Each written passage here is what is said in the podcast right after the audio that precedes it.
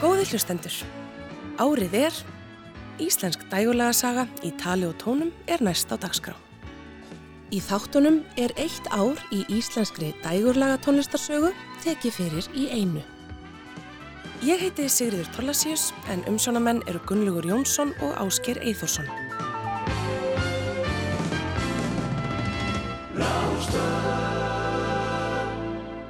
Árið er 1995.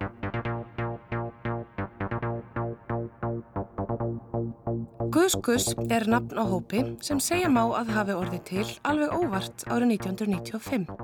Tildrögin má reykja til stuttmyndarinnar Nöytt. Baldur Stefánsson segir frá. Það er aðtökast þannig að uh, sumari 95, þegar við ætlum að fara í tökur, þá sjáum við það með nokkra vegna fyrirvara að við þurfum aðeins meiri tíma í undirbúning og fjármögnun og ákveðum að fresta tökum en þá voru allir búin að taka frá tíma slott í að skjóta þessi mynd og úr því að menn sáu fram á þarna nokkra vikna glukka þá var ákveðið að nota tíman og allir þessi hópur sem var farin að hristast mjög vel saman ákvaða að taka svona tónlistar hlutana myndinni einu skrifi lengra og bara semja slatt af tónlist fyrir myndina og henda því inn á blödu. Í millitíðinni þarna í upphafi þá var hugmyndin að, að þeir T-World félagar Birgir Þórarnarsson og, og, Mæki Lego myndu svona sjá um elektrónist soundtrack fyrir myndina. En úr því að þeir voru komnir í hópin þá var ákveðið að í rauninni láta þá bara brótusera tónlist sem að hefði verið samin af þessum krökkur sem átt að leika. Þannig að Daniel August, Magnús Jóns og, og, og fleiri áttu þarna slatt af lögum, Siggi Kjartans líka. Og þessu var all hrætt saman og svo var skundað í stúdíu á Sýrland og platan tekin upp á, á 11 nóttum fyrir eitthvað lægsta upptökubudget sem að heyrst hefur um en úr því að þeim sessjónum var þessi fyrsta plata til. Baldur kom upphaflega að verkefninu þegar hann var fenginn til að leika handbóltamann í myndinni en endaði sem aðalframlegandi og sáði mestu um fjármögnun ævintýrisins. Sigurður og Stefán Ótni voru náttúrulega búin að vera að gera auðlisingar og myndbönd þarna í nokkur ár og orðin mjög vel tengtir inn í íslenska tónlistargeiran og af praktískum ástæðum vegna þess að við vorum alltaf með frekar látt budget á þessari mynd. Það voru rukkaðir ímsi greiðar og nokkur þekkt tónlistamenn fengnir að myndinni, bæðið sem leikarar og svo á setni stegum til þess að búa til tónlist við myndina. Þannig að uh, Magnús Jónsson, Daniel Ágúst, Hafdi Suld, Emilian Torini, Heirun Anna, þetta voru allt musikal talentar sem voru með hlutverk í myndinni. Bara verið einhenda gamla greiða fyrir að hafa gert einhver tónlistamindbönd fyrir lítið penning. Close to him. We talk all the while. I know Jesus, but he comforts me. We walk side by side.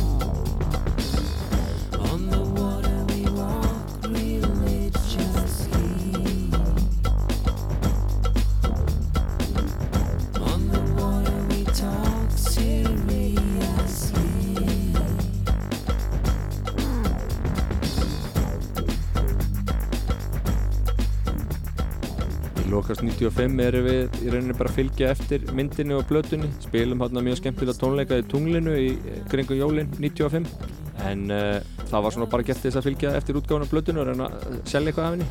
Við vorum náttúrulega mjög metnað fulli eftir þessu útgáðu settum blötunar í heilmikla vandaða vínil vasa sem voru handsauðmaður af vinkun okkar í góðbóinu þannig að við ætlum bara að reyna að móka út einhverjum blötum en í áslokk 95 þá svona sáum við kannski ekki fram á þetta verkefni var endilega að fara eitthvað lengra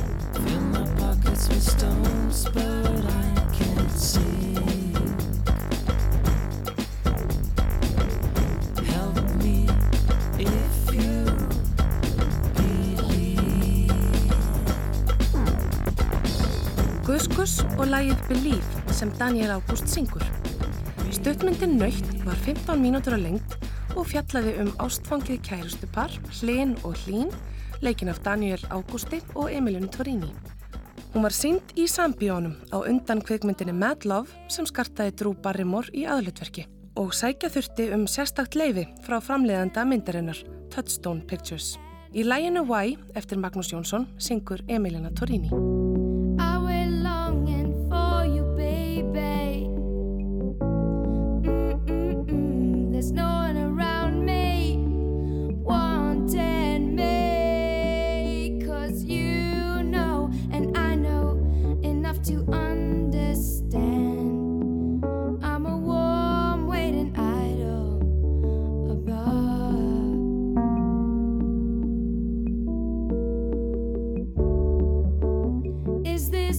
you want? Do you want a peace of mind? Tell me now. Are you short of cash? A thing was made to last. Tell me, tell me now. Tell me why. Árið er 1995.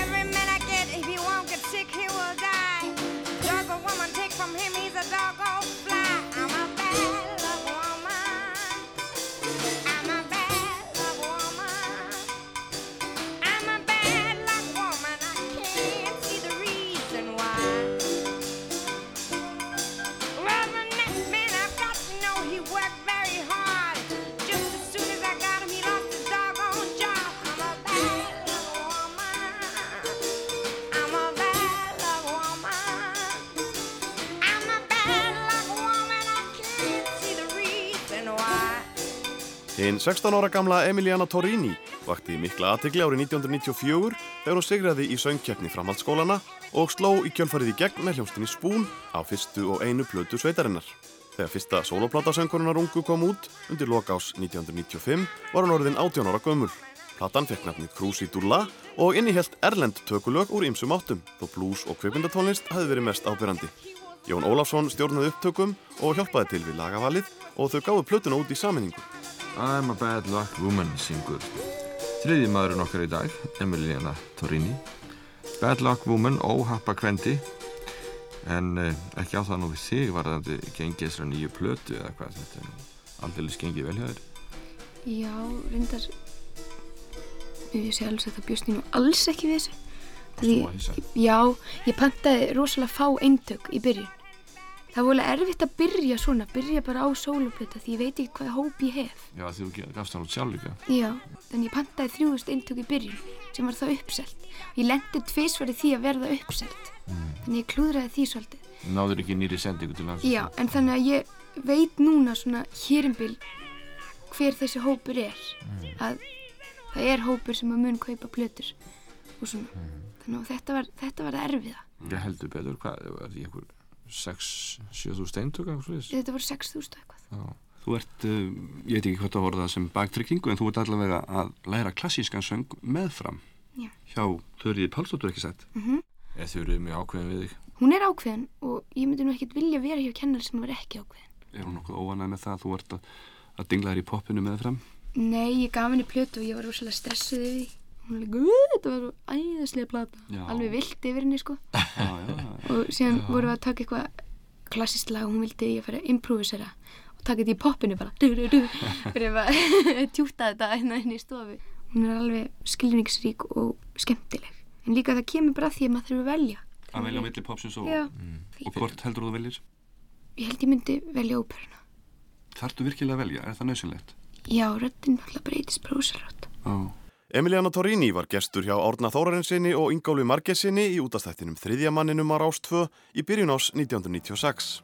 Emiliana held tónleika í þjólikúsinu í februarmánuði sama ár á samt hljómsveit sinni sem samanstóð af Jóni Ólafs, Guðmundi Pétursinni, Róberti Þóralsinni og Jóhanni Hjörlefsinni. Þar fluttu þau öll lögin af Crucidur lagplötunni, auk fimm annara laga og eitt þeirra var Natural Woman sem bæði Carol King og Aretha Franklin gerðu vinsæl á sínum tíma. I didn't know just what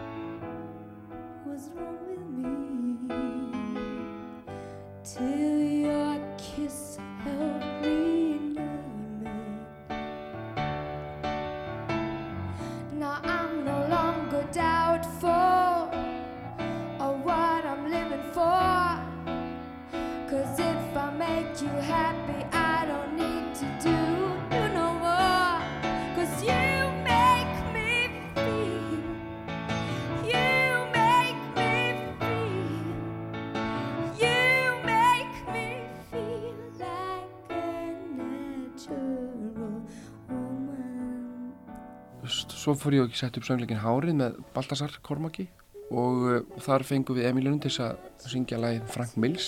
Og svona upp úr því þegar Hárið fór í gang þá kom hún til mín einhver staðar og sagðist vilja gera plötu. Þá held ég að nú bara verið 17 ára eða eitthvað hvort ég var til að gera hana með henni. Ég sagði bara já á þess að hugsa mig um. Það var ég bara í pásu á einhverju balli. Af því að ég segi alveg svo ég held ég hafi aldrei orðið vitni að öðru annar en söngkonu sjálfur í stúdiói og ég vissi ekki hvað hún vildi gera neitt ég sagði bara já ég vissi allavega að þetta er vel sungið svo bara skellti okkur í þetta og hún kom bara með einhver svona uppáhaldslög sem voru nú algjörlega hérðan og þaðan eitt var úr B-mynd eftir Russ Meyer og uh, lög úr uh, Color Purple og, og einhver já, svona kvikmyndalög, svolítið mikið af þeim. Það sem hún bara söng gjössalega frábælega og það var svona upphafið og, og þá vorum við komin í svona samstarf. Jón Ólafsson sagði frá samstarfi hans og Emilionu Torrini og undir hljómar tónleika upptaka úr þjóðleikúsinu af læginu Natural Woman eftir Jerry Coffin, Jerry Wexler og Carole King. Árið er 1995. Ali Reynis ætlaði að gefa út aðra sóloplötu sína árið 1994 en hætti við á síðustu stundu og ákvaða að semja fleiri lög til að hafa á nógu að velja. Platan Ring eftir Ring kom út í oktober 1995 og helt Halli útgáfi tónleika á fókgetanum þar sem 200 manns mættu. Tittilagplötunar, sem hér er farið að stað, naut mestrar hilli.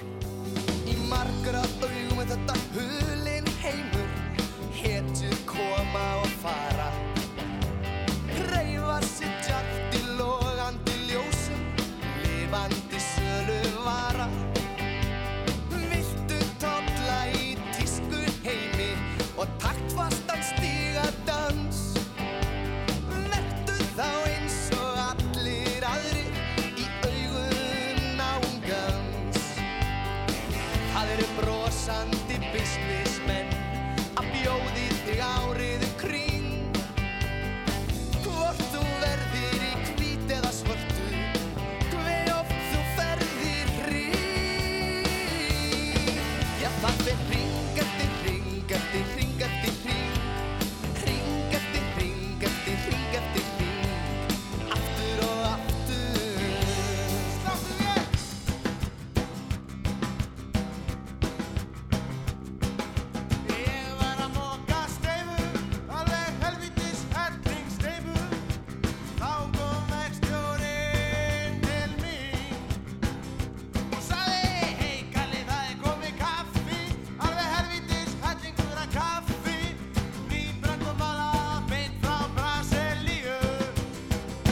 Sólstandagaðinir voru bara mentaskólagrín hjá mér og, og vinn mínum Unnsteini Guðjónssoni. Við vorum saman í mentaskólanum að Eilstöðum en 1993 á heimaðist og uh, höfðum samið einhver lög bara svona að fyllir íum. Og svo hættum við báðir, að ég sem sagt fór af heimaðistinni og fór bara söður og fór að vinna í fristihúsi og eitthvað og kláraði stúdentinn og hafði bara glemt þessum lögum og alltaf hringdi um með vinnum minn í mig og þá hefði einhver svona lög að því sem við höfum samið hérna fyrir austan lifað svona meðal fólksins svona, sem hefði verið með okkur í skóla. Og það var mikill áhug fyrir að þetta er gert á einhverja plötu bara fyrir þá sem hefði verið með okkur á heimaðistinni sko. og þannig að við fórum í stúdíu eina helgi á Neskjöpstað opnaðir tindavótkaflöskum og, og kassagíturum og eitthvað svona, tókum upp alla plötuna. Og hún kom út hérna í mæ og bara í lók mæ þá er bara hann að rangum aður orðið mega hittari og við fannum að túra landið bara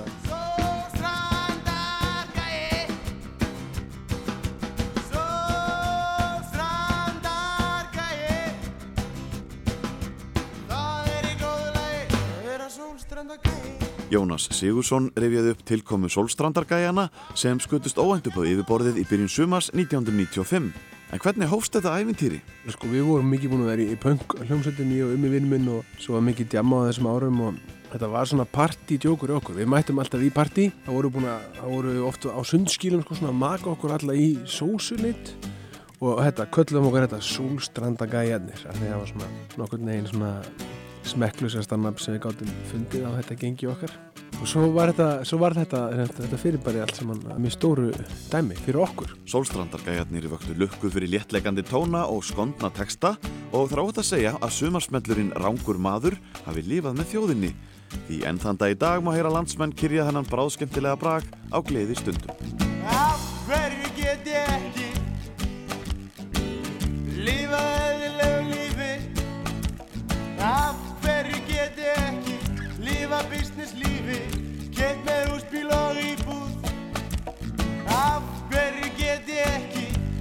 Gengi menta veginn Þanga til að ég æli.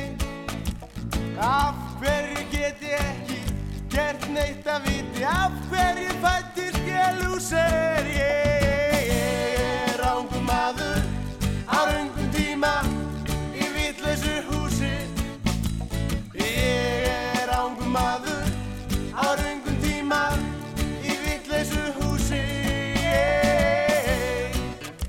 Sko persónulega þykir mér alltaf vænst um, um rangumæður af þessu lögum af því að það er svona svo mikill sannleikur í því.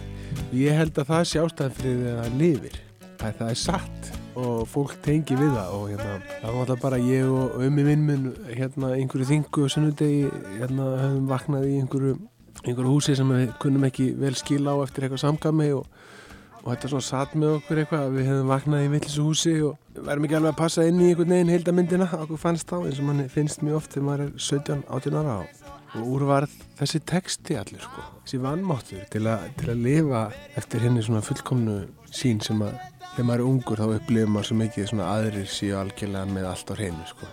og, og finnst einhvern veginn að maður er aldrei eftir að geta farið sko. Er á tíma í vitlausu húsi. Ég er ángur maður á raungum tíma í vitlausu húsi. Ég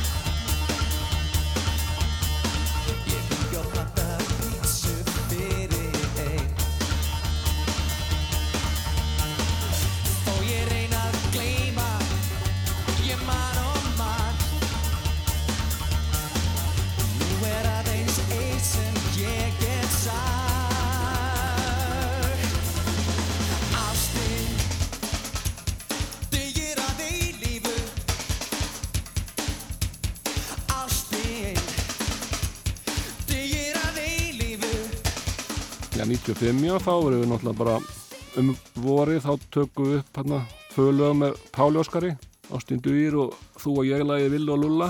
Og svo hafið bara sambandið með Unstein, einhver strákur út í bæ sem, sem ég hrekti ekki neitt. Bauðist til að gerast umbósmaður og bóka balli á sveitaballum, bandið. Við höfum ekkert að móti því og hann bara gekk í það og það fengust einhver gekk fyrsta skipti sem ég spila á sveitaballum og voru allir í, í, í hljónstinni Hljómsveitin Unun var farin að spila á skólaböllum og sveitaböllum þegar hér var komið í sögu.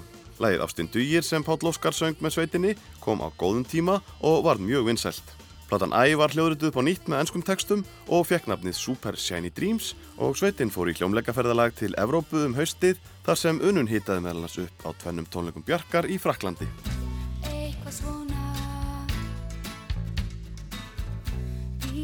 Segir Var að vona Það fær á hinn vegi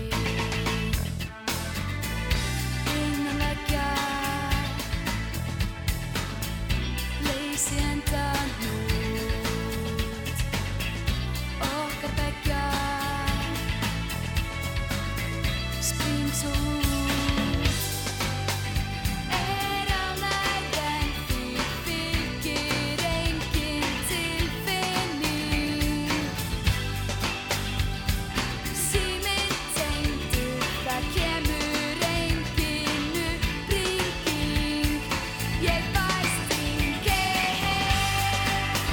Hljómsveitin Unun og titillægið úr kveipmyndinni Engalíf sem Þráinn Bertelsson leikstýrði. Með aðalhutverki fóru Egil Ólafsson, Guðmunda Eliasdóttir og Kristbjörg Kjeld. Þetta var stórt ár í íslenskum kveikmyndum því alls voru sjö myndir frumsýndar á árinu. Hilmar Oddsson kom með myndina Tár úr steini sem fjallar um tónskáldið Jón Leifs sem þröstur Leo Gunnarsson tólkaði eftirminnilega. Agnes, kvikmynd Egils Eðvarssonar, fjallar um þá atbyrðará sem leiti til síðustu aftökunar á Íslandi árið 1830, þegar Agnes Magnúsdóttir og Friðrik Sigursson voru tekin af lífi fyrir morð á Natani Ketilsinni. Gunnar Þórðarsson gerði tónlistina og Dittu söng titilægið í myndinni. En þessi atbyrður hafði áður orðið yrkisefni Bubba Mortens í læginu Agnes og Friðrik sem kom út á plötunni í Spjartablús 1980. Þá frumsindi Friðrik Friðriksson myndina á Köldum klaka eða Cold Fever með þeim Fisher Stevens, Lily Taylor og Gísla Haldorsinni í aðalutverkum. Jóhann Sigmarsson, sem gerði handritið af veggfóðri á samt Júliussi Kemp, sendi frá sér sína fyrstu kvikmynd, Ein stór fjölskylda, árið 1995.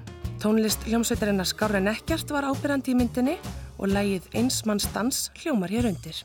Þá sendi Jón Tryggvason frá sér myndina Nei er ekkert svar, þar sem söngkonurnar Ingibjörg Stefánsdóttir og Heiðrún Anna Björnsdóttir voru í aðalutverkum. Að endingu var fjölskyldumyndin Benjamin Dúfa frumsýnd 10. november. En myndin var byggð á samnemndri barnabók Friðriks Erlingssonar sem samti handritið að myndinni á samt leikstjóranum Gísla Snæ Erlingsinni. Það er veggur svo þykkur sem umlíkur allt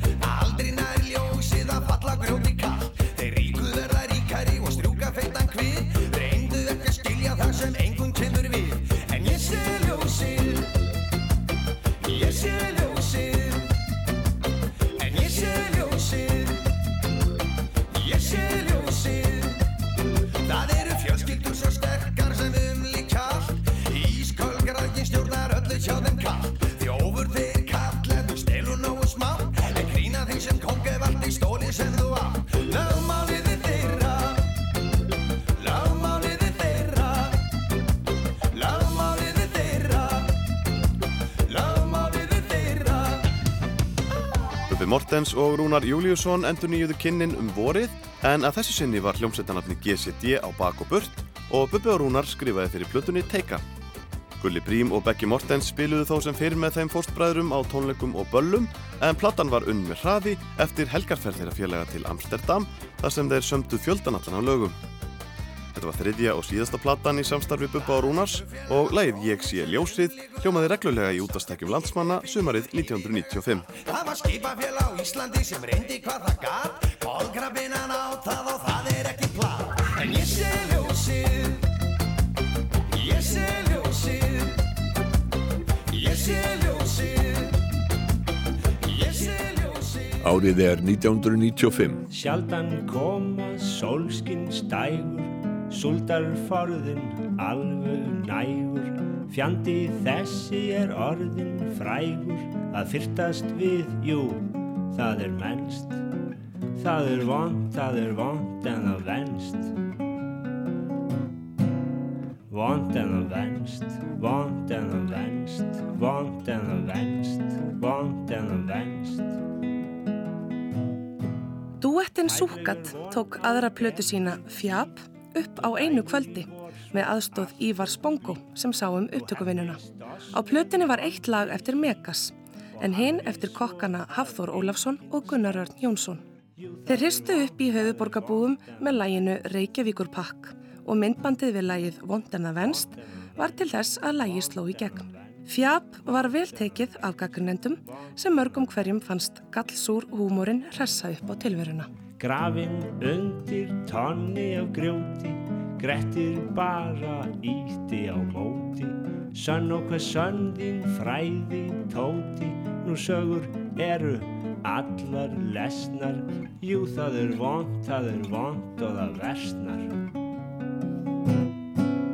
Vond og það versnar, vond og það versnar, versnar og versnar og versnar og versnar og versnar og versnar. Góða kvöldi, Dónabær. Við erum til bísbætar.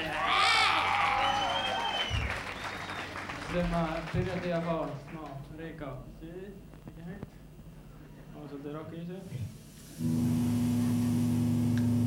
Við erum komin á úrslitakvöld músiktiluna í lok mars 1995 í Tónabæ.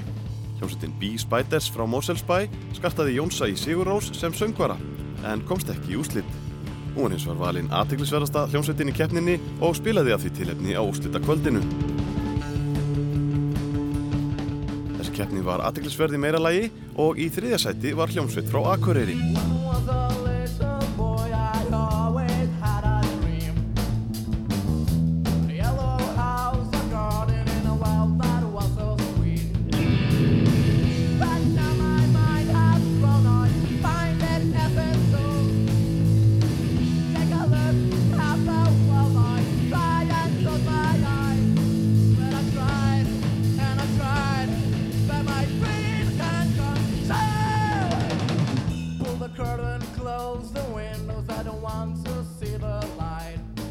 Komum svo ári eftir, sérst 95 og ætluðum að heita Bob.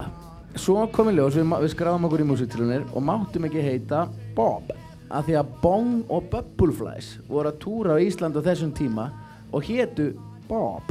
Við þannig að við þurftum að finna annað nafn. Þá kom nafnið 200.000 naglbítar, annað stutt og lagu gott nafn. Það var pappi sem stakk upp á því að því að hljómsveit sem hann var í einu sinni hafði heitið þetta þegar þeir spiluðu á kleppi. Þá skiptuðu þeir alltaf um nafn sem er mjög krúsjalt. Að skipta alltaf um nafn en spila á kleppi. Svo nefnilega tókum við þátt í músitilunum lendum í þriðja sæti þar. Já við vorum búin að leita söngvar alveg eins og allar hljómsveit gera. Já, búin að leita lengi á söngvara. Og allir vinnur okkar sem komu í pröfur voru með hálsbólgu og eitthvað. Þú vildir ekkert syngja? Nei, ég ætlaði bara að spila á gítar og svona einbeita mér að því en það fór nú heldur betur öðruvísi. Og þá ákvað ég að syngja. Já, við, við ákvaðum bara einhvern veginn að við myndum bara gera þetta. Og hérna, þar fekk ég velunin bestu söngveri músiktiluna 95 og rústaði Jónsæði Sigurós Vilhelm Anton Jónsson, söngvari og gítarleikari 200.000 naglbíta, sagði frá þáttöku sveitarinnar í músiktilunum 1995 þar sem Vili Naglbítur var valinn besti söngvarinn. Hljómsveitin Botleiðja frá Hafnafyrði bar hins vegar sigur úr bítum eftir harðakeppni við sveitunga sína í Stólíu en á trommum í þessum sveitum voru bræður Haraldur Gíslason í Botleiðju og Arnar Gíslason í Stólíu. Hér heyrðum við upptökur ásar 2 frá úrslitakvöldinu þar sem Sigursveitin flytur lagið Heima er best. Ég veit, ég veit, það sem enginn veit Þú er ljót og feit Ég veit,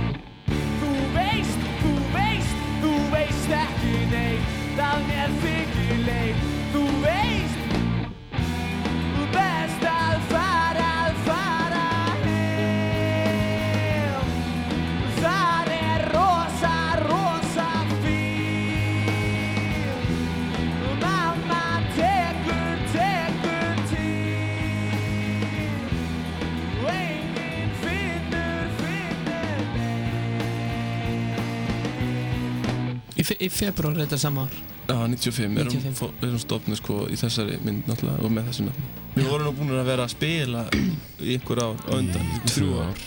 Tvö, þrjú ár á undan sko. En þegar við komum saman þannig aftur sko eftir einhver öðrum nöfnum síðan sko þá var náttúrulega ekkert af þessum lögum til sko sem eru á þessari plötu þá var ekkert lag til við við byrjum alveg á nú- núlli aftur sko Við byrjuðum, við, við eiginlega sko byrjuðum á þessu með því hugafærið að fara þess, á botlið, með því hugafærið að fara í músliðlöður sko. Sömdum þrjú, lög sko til þess sko. við sendum undir svona dullnöfnum við notum setni nöfnin okkar ég veit nú ekki okkur við heldum að við varum alltaf aldrei við varum svo þekktir við sendum sko setni nöfnin okkar Freyr Gíslason og Páll Steinsson og sendum mynd af Ömmu minni og afa. ömmu minni og afa, sko.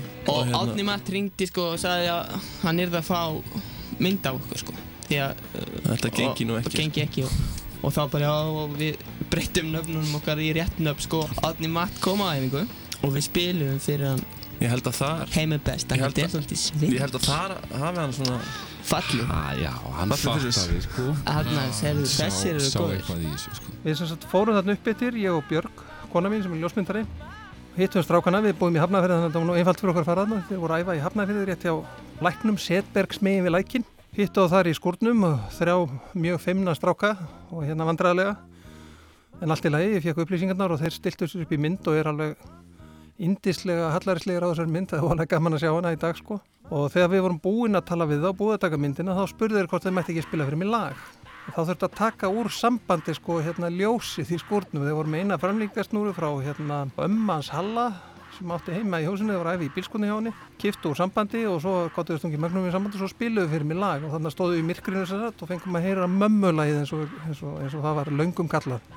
Og þegar ég heyrði það, þá bara vissi ég að þetta væri bandið sko, og þeir myndi taka þetta. Ég átti eftir að heyra í öllum hínu ljónstónum, en einhvern veginn þá þá voru þeir með það sem þurfti þeir voru með hérna, þeir voru, þeir voru tilbúnir til þess að gera, þeir voru með fáranlega gott lag mjög þjettir og öryggir, þeir voru með mjög góðan frontmann, mjög góðan prinsessi fýtt söngvari og þetta var, þetta var bara 100% bakki. Átni Mattíasson, bladamaður Morgunbladsins og formaður dómnefndar músiktilurna til fjölmargra ára, rifjaði upp kynni sín á botleðju áður en sveitin mætti til leiks og þar á undan heyrðu við liðsmenn botleðju segja söguna á bakvið stopnum sveitarinnar í þættinum Gemt en ekki glemt á Rás 2 árið 2003.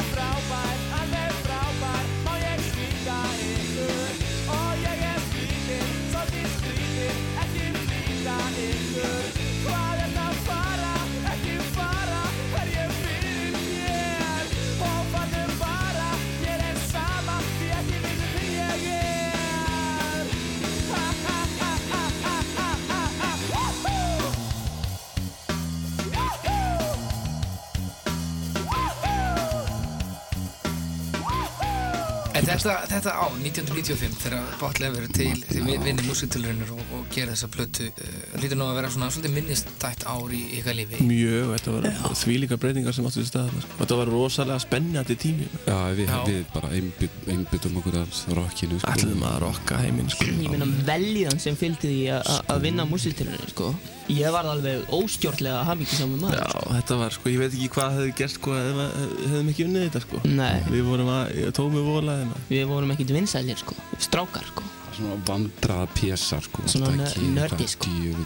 Áttum ekkert rosalega hans séns í flottustu píunar, sko. Já, ég, Það lítið áttalega að sko, rock'n'roll afvegleiði unga menn þannig að það er svona, kannski bara bjargað ykkur Þetta bjargaði okkur alveg algjörlega Sjálfsvirðingun og, Það er og sjálfsmyndinni. Já, og þið fóruð í Sýrland og, og þið tókuð upp þessa blötu á einu sólarring Ég maður fyrst þegar allir um að koma þá þá hérna um, að myndar svo mikið spenna við erum að fara í stúdíó og, og allt svo og við erum búin að pakka saman dótinu og við erum mættir á svæðið Nei, þá var Bó með bóka stúdíóið og þú veist, við vorum búin að bóka það en hann svona valtaði yfir okkur sko.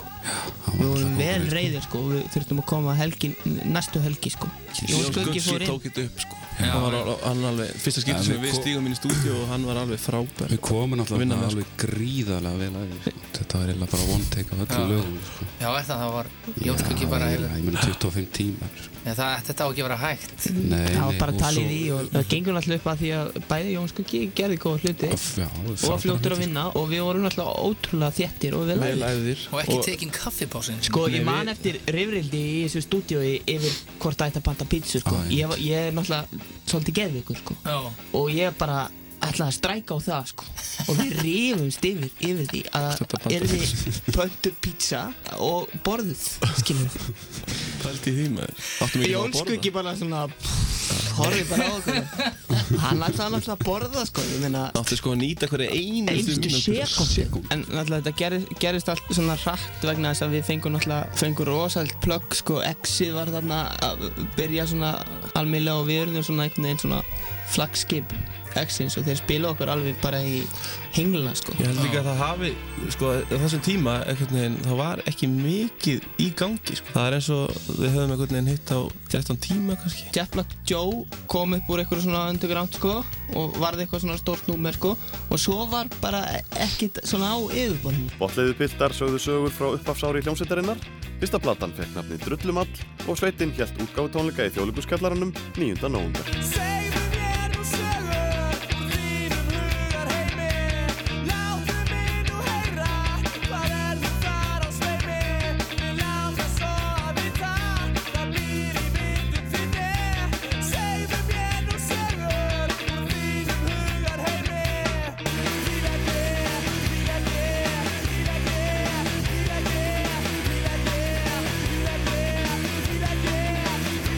Árið er 1995. Sálinn hans Jónsmíns vaknaði til lífsins vorið 1995. Kveikjan að endurkominni var utanakomandi pressa og letu liðsmennsveitarinnar undan og sendu frá sér plötuna Sól um nótt í sumarbyrjun. Nýr trómari, Tómas Jóhansson var kynntu til leiks og Sálinn tók sumarið með trompi. Hún er silki og stál Hún er stórsjór og bál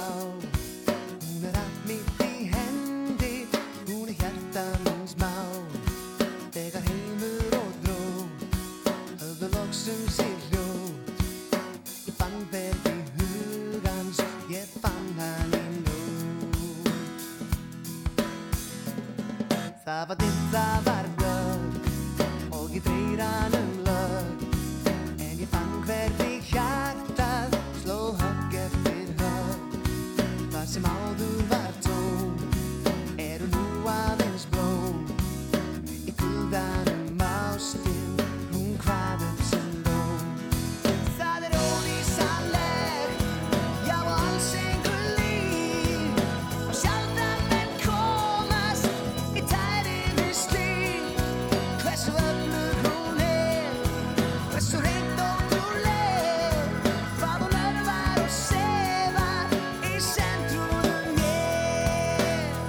Alltaf alveg þreyttir eftir hérna tunguhaukin sko, orðin svona pyrringur og svona ákvæmum að fara frí eftir það. Ég man nú ekki okkur hvað gerist að við ákvæmum að byrja með þessa bluti. Já, við ákvæmum bara eiginlega að byrja að spila saman aftur. Annarkvort myndum við gera eitthvað eða gera ekki neitt. Það var liðin það langur tími, sko.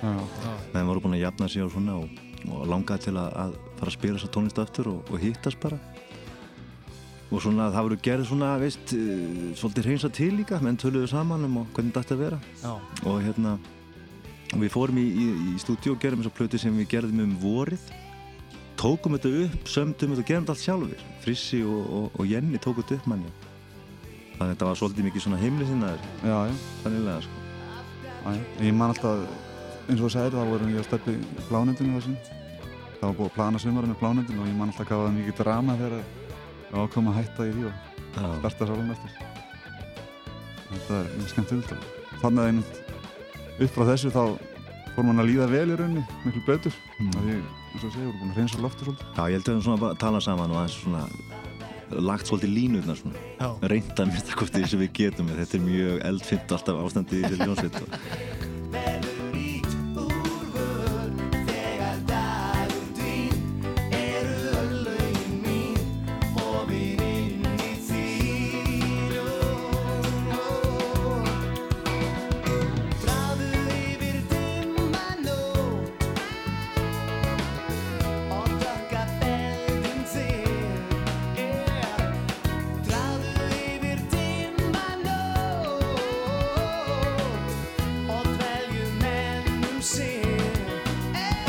Sálin og lagi Dimma og þar á undan heyrðum við Guðmund Jónsson og Friðrik Sturluson ræða um plötuna Sólum nótt í þættinum Gemt en ekki glemt á Rás 2.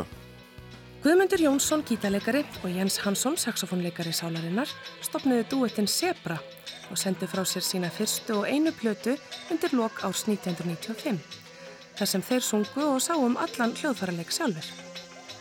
Hafi sálinn verið hvítt, þá var Zebra svart. Því sveitirnar áttu tónlistarlega lítið sameigilegt. Á plötunni, sem hétt sama nafni á hljómsveitin, mátti greina áhrif úr ýmsum tónlistaráttum, svo sem house, ambient, rappi og acid jazz, svo fátt eitt sé nefnt. En lögin áttu það flest sameigilegt að vera melodísk og grípandi, eins og lægið sem er farið að hljóma hér á bakvinni. Guðmundur Jónsson syngur lægið Paradise með hljómsveitinni Zebra.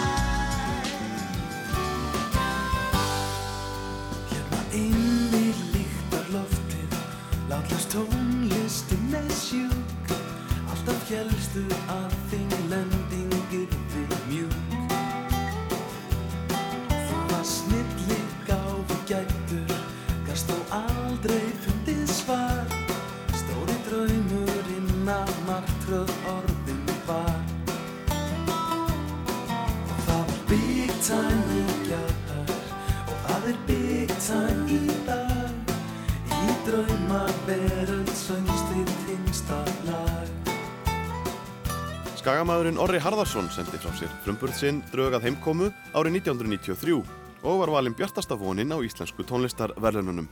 Tveimur ánum síðar kom platan Stóri draumurinn út og við heyrðum á þann brot úr titillæginu. Sigurður Bjóla stjórnaði upptökum og hljóðblandaði og samti hug þess lægið fullkominn dagur með Orra en meðal annara sem komum við sögu á plötunni má nefna Jakobs Mára Magnússon, Eðvar Lárusson, Ingólf Sigursson og Bubba Mortens sem söng með Orra í læginu Uppgjörið. Gömul sorg. Kanski saknar hún mín en þá Táraborg. Lífið farið er mér framhjá. Líði í nugnablík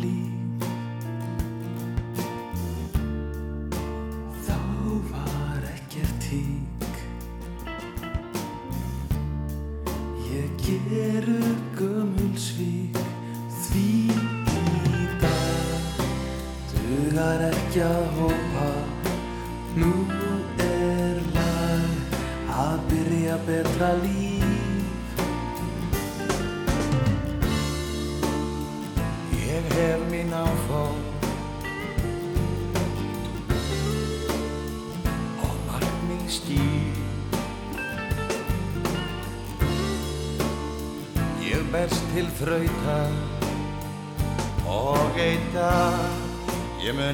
enda sem ný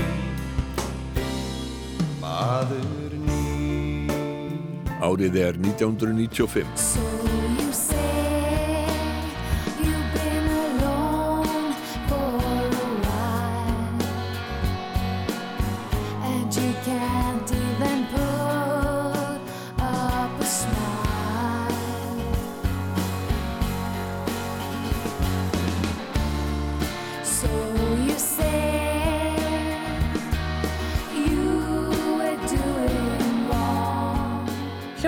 Cigarette sló í gegn með læginu I Don't Believe You sumarið 1995 og um haustið sendi sveitin frá sér sína fyrstu og einu plötu, Double Talk. Söng og leikonan Heiðrún Anna Björnsdóttir og bassaleikarin Einar Tönsberg sömdu flest lög plötunar en Einar er betur þekktur í dag undir listamannanafninu Eberg.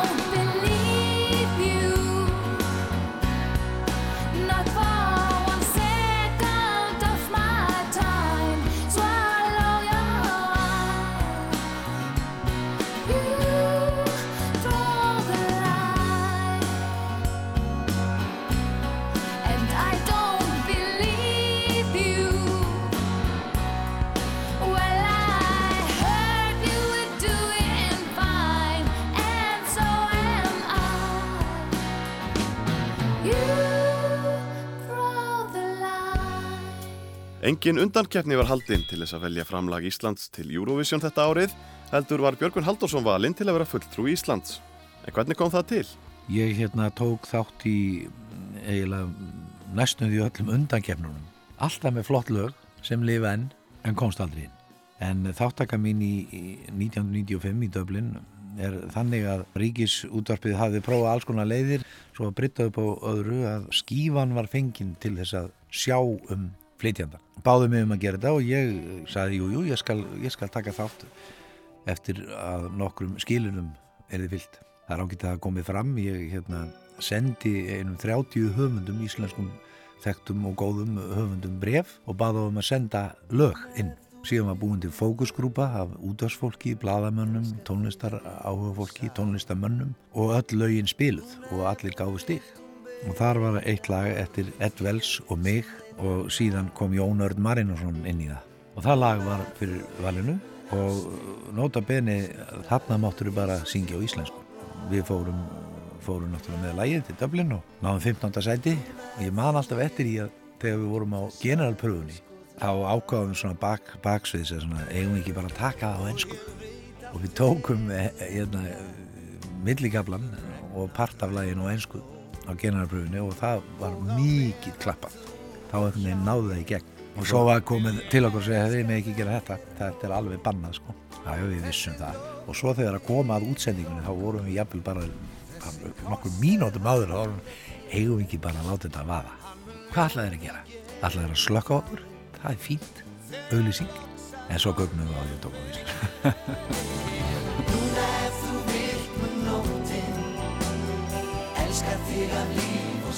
vilt með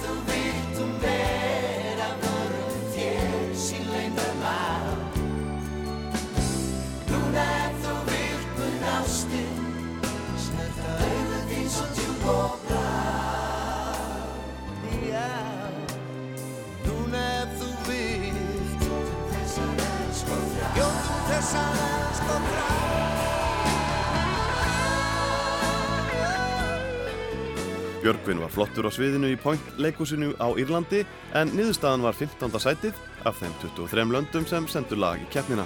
Norska hljómsveitin Secret Garden sigraði með talsverðum yfirbörðum með læginu Nocturne. Núna ef þú vilt með nóttin Elskar þig af líf og sál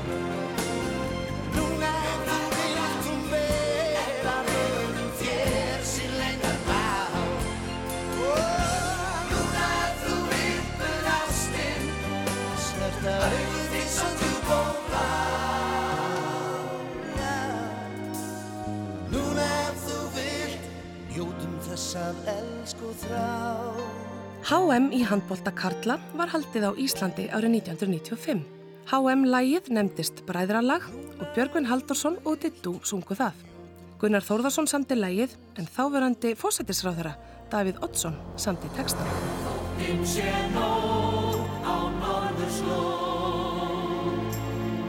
Þér nýjan móðar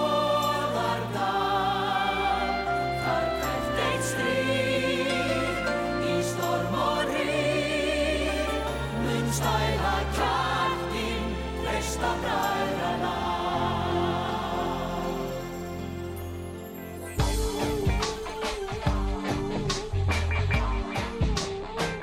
Enski tónlistamæðurinn Adrian Nicholas Matthews Thors frá Bristol, betur þekktur undir listamannanafninu Tricky, sendi frá sér sína fyrstu soloplötu, Maxine Quay, árið 1995 og í læginu You Don't sem hljómar hér undir syngur Ragnhildur Gísladóttir aðalrödd, en hvernig kom það til? Raka Gísla segir frá. Ég kynnist konu sem að vera umbóðskona mín og er sama umbóðskona og Trikki. Þannig hún bara, Trikki er náttúrulega búin að heyri eitthvað sem ég var að gera þarna og fýlaði það rosa vel og þetta var svona massíf attack gengið og, og hann bara kallaði á mig að koma að syngja á blötun, hann var ekki að gera blötu og leti mig bara hafa textan og þetta er heima hjá hann, íbúinu hjá hann og ég fyrir bara inn í borstofu ykkur og svo bara trekkið sett á og ég bara improvisera þetta, þetta er bara eitt teik ég var búin að hlusta á sko, hindrökkin hjá hann og þetta var svona með því flottar sem ég hafði hýrt þá sko. mér finnst það bara alveg æðislegt. Þannig ég tók þetta lag og svo annað alveg strax í kjölfarið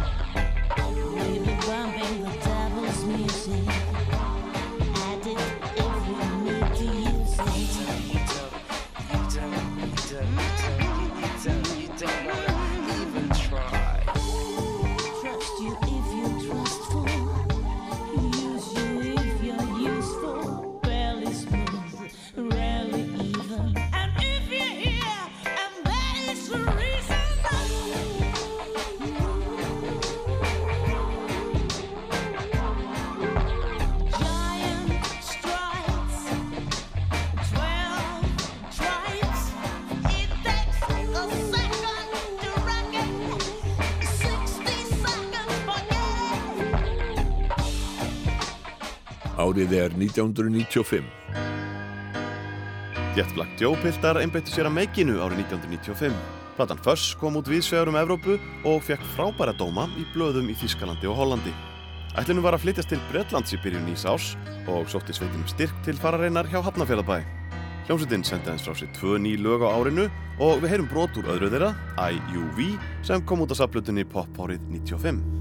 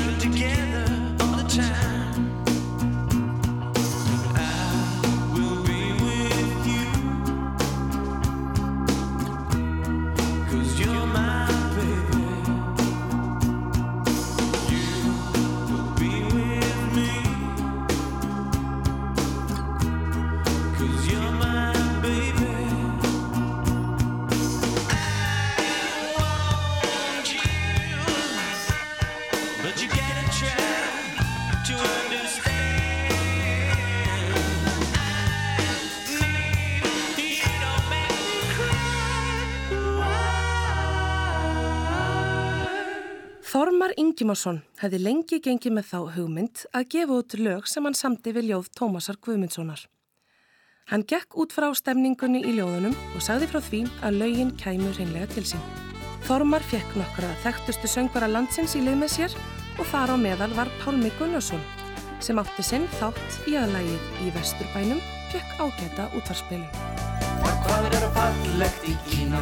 Keisarans allir skína. Hvíta við safið sænum En nokkuð indislegra Leit auga þitt nokkuð fegra. Leit auga nokkuð fegra. En morgvöld í vestur bænum Því þá kemur sólin og sestar. Hún sígur vestar og vestar. Um öldurnar gulli opnar opnar.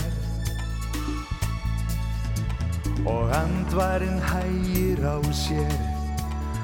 Ástfangin jörðin fer hjá sér. Uns hún snýr undan og sopnar Uns hún snýr undan og sopnar Það hvað vera fallegt í Kína? Keisarans allir skína. Hvíta við safi sænum. Nokkuð yndisleira Leit auga þitt nokkuð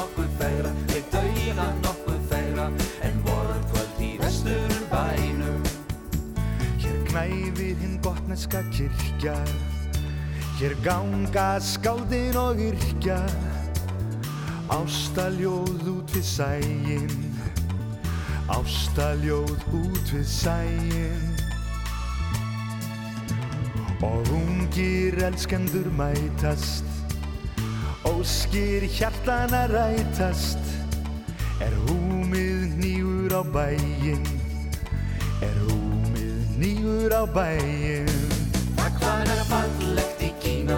Keisarans allir skína.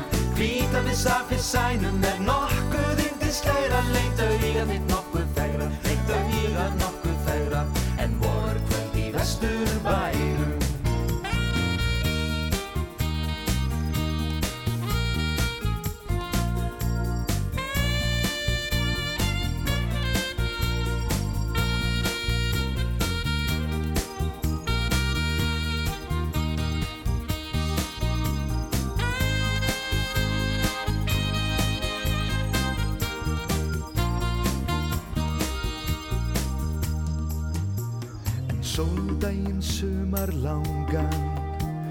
Ver saltlikt og tjöru ángan Um ströndina víða vega Um ströndina víða vega. Úr grjótinu gægist rotta Og gömlu bátarnir dotta Í nöstunum letilega Í nöstunum letilega. Það hvað vera fallegt í Kína Keisarans allir skína. Hvíta við safi sænum Er nokkuð yndislegra Leit auga þitt nokkuð fegra Auga nokkuð fegra En voru kvöld í vestur bænum Það hvað vera fallegt í Kína.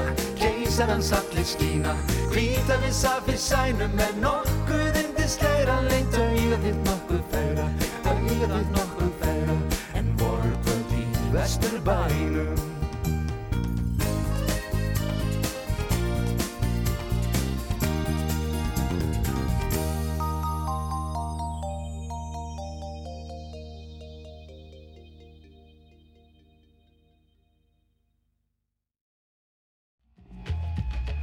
Árið er 1995.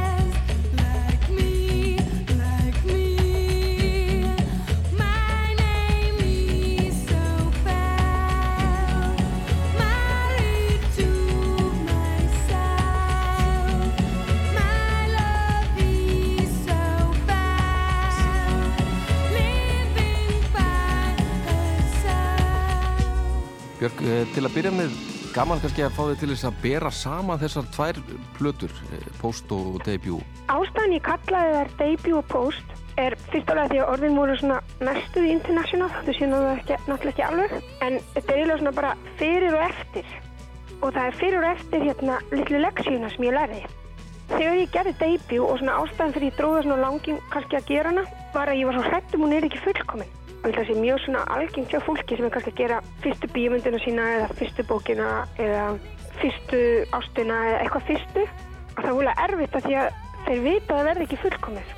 Og ég þurfti bara að kýla á það, þú veist, vita að debut er ekkert æðislega. Þetta er svona, svolítið svona reyn mei, svolítið svona feimin og órug platta sko debut. Og mér fannst hún ekkert æðislega, skilja, og ég vissi ég gæti gert miklu betur. En ekki fyrir en ég hafði lært. Og ég lærði svo mikið því ég gerði hana. Og svo gerði ég post og mér finnst post miklu betri. En mér finnst hún samt sko, samt eru svona 50 plötur finnst mér sko, þangað til ég gerir góða plötu. Eða þú veist sem að mér finnst góð plata því ég er náttúrulega, ég er mjög harður dómar á mig sjálfa.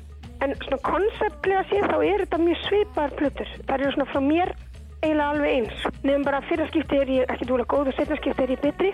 Að því mér langaði til þetta að vera sko vika í lífi bara venjulega mannesku. Allmis núna, þá veist þú skúli, þú er ekki hugmyndum hvernig þið líður á lögadagn klokkan fjór. Og ég veit hefur ekki græna klórum hvernig mér líður á föstudaginn klukkan eitt. Og hvað það er frábært, skilju. Þetta sé allir svona hlutirinn sem er að koma hana óvart og allir svona upp og niður í skapinu alltaf hreint. Og þess vegna eru lögin svona ólíkustöður í bæði á debut og post. Af því að maður svona heldur, þú veist, maður fyrir kannski út að dansa og fyllir í eitthvað og er ógeðslega gaman og maður er að dansa, dansa, dansa.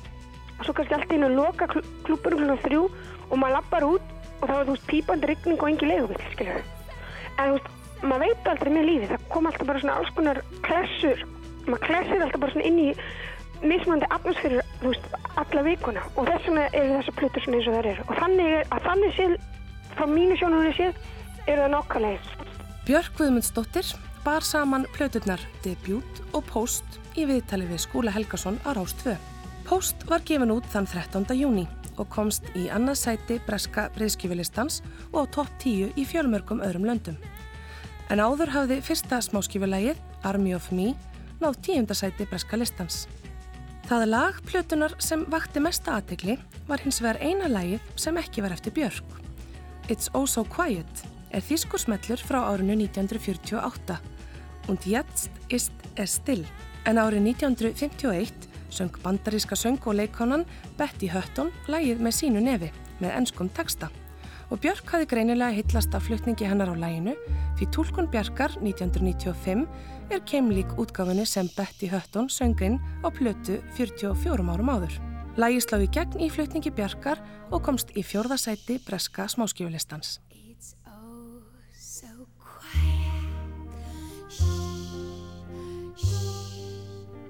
It's oh so still. Shh, shh. You're all alone. Shh, shh. And so peaceful until you fall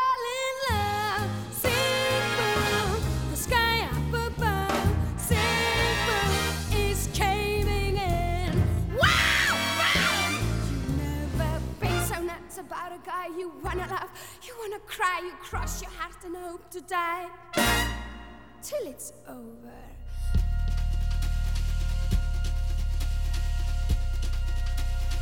Já, hérna eru við að spila Hyperballad í, í sjónvarpinu í Englandi og það er í þætti með manni sem heitir Jules Holland sem er svona kannski frægur í Englandi fyrir að vera sá eini sem hefur áhuga á að, að vera með live tónlist og þá kannski ekki að fólk sé að mæma eða eitthvað svona, það fá allir að koma með hljóðfærin sín og þeir eigða miklum tíma í góðan hljómburð og nú er búin að gera þetta í, í tíu ár og þetta eru núna orðnir einni virtustu stóðum tónlistafætti Breitlands og hafa og tónlistafólk sækir í að, að, koma fram í þessum þáttum. En allavega þá mann ég að við komum fram í, í þessum þætti með Hyperballad. Áður en við byrjum túrin, við vorum nýkomin út úr stúdiói og þetta var útgáfa sem ég gerði með Trevor Murray sem hann spila á bustatrömmur uh, Leila live mixaði Guy Sixworth já, gerðu svo vel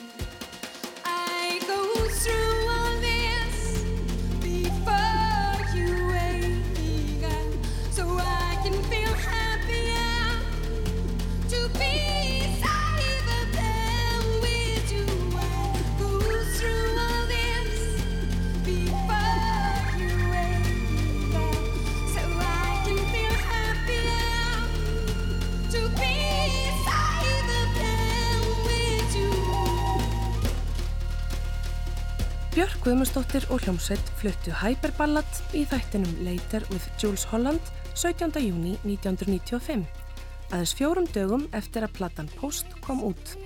Þann 23. november var Björk svo kjörinn söngkona ársins á MTV Awards. Árið er 1995.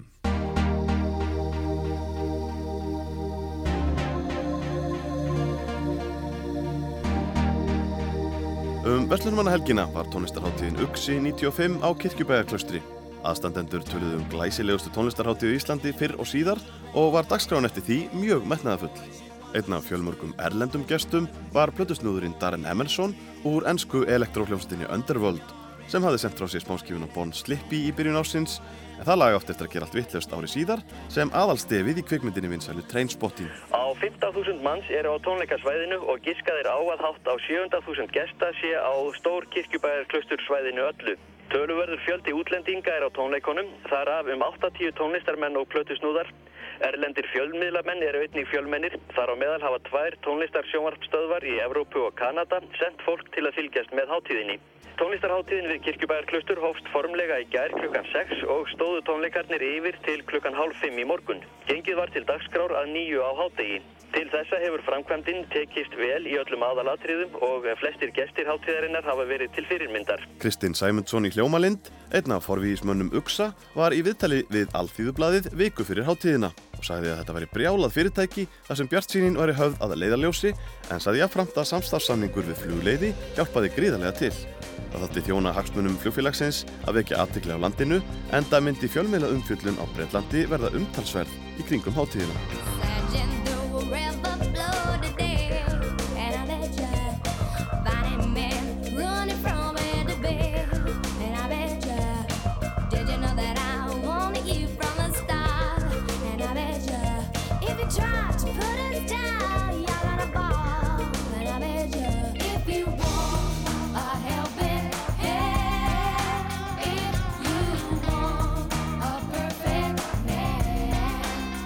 Bubbleflies tróði upp á auksa á samt Svölu Björgvinsdóttur sem gekk til liðs í sveitina í byrjun ás 1995 eftir að Páll Baníne hafði verið rekin. Lægið I Bet You var farið að hljóma á öldum ljósvakans fyrr um sumarið. Það er markmiðið að fara í samstarf við erlendar útiháttiðir og erum við ja, komnir í umræður við aðila sem eru hér sem eru með hátti, stórar háttiðir erlendis ásamt þeim umbóðskrifstofum erlendis sem við höfum verið í samanum við hingatil og það er ljóst að erlendi fjölmiðlar hafa sínt þessu gífulegan áhuga og finnst stór merkilegt að í svona litlu landi skulle vera hægt að flytja inn alla þessa listamenn til svona háttiðar. Fyrirfram var því spáð að hátíðarsvæði Uxans yrði eins konar sódóma og gómorra verslunamanna helgarinnar með nöðgunum og eiturlifjum. Staðreindin er hins vegar svo að skemmtunin hefur farið vel fram enn sem komið er í öllum aðalatriðum og eru aðstandendur ennar að vonum ánæðir með sitt fólk. Það hefur tekist mjög vel nánast allt sem gert hefur verið og lauruglan hefur nánast ekkert að gera hérna. Það fer allt fram með frið og spekt. Saði Þormóður Jónsson á Uxanum. Með fyrstu 3000 miðunum sem seldust á háttíðina fylgdi geislaplattan Journey to the Top of the World sem innihjalt tíu lög með íslenskum og erlendum flytjöndum sem tróðu upp á háttíðinni. Meðal þeirra íslensku flytjanda sem áttu lög á plötunni var 3-2-1, ný hljómsveit Egil's Ólafssonar sem hann stopnaði ásamt Sigurði Gröndal og Ingólfi Guðjónssoni sem voru saman í bæði Riksjó og Plánutunni. Sveitin varð ekki langlýf en lægið Kabaljan Summoning var framlag hennar á saplutunni.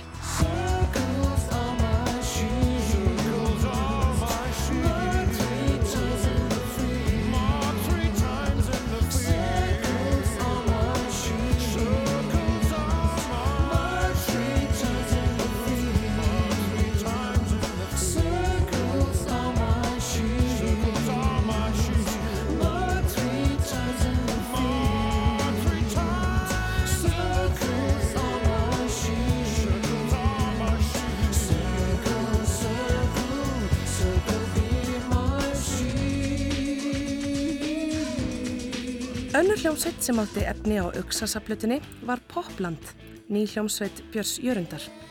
Með honum voru Byggi Baldurs á trommur, Þórir Viðar á bassa og Guðmundur Pétursson á gítar. Og eina lagið sem Popland sendi frá sér var ógeðslega sætt.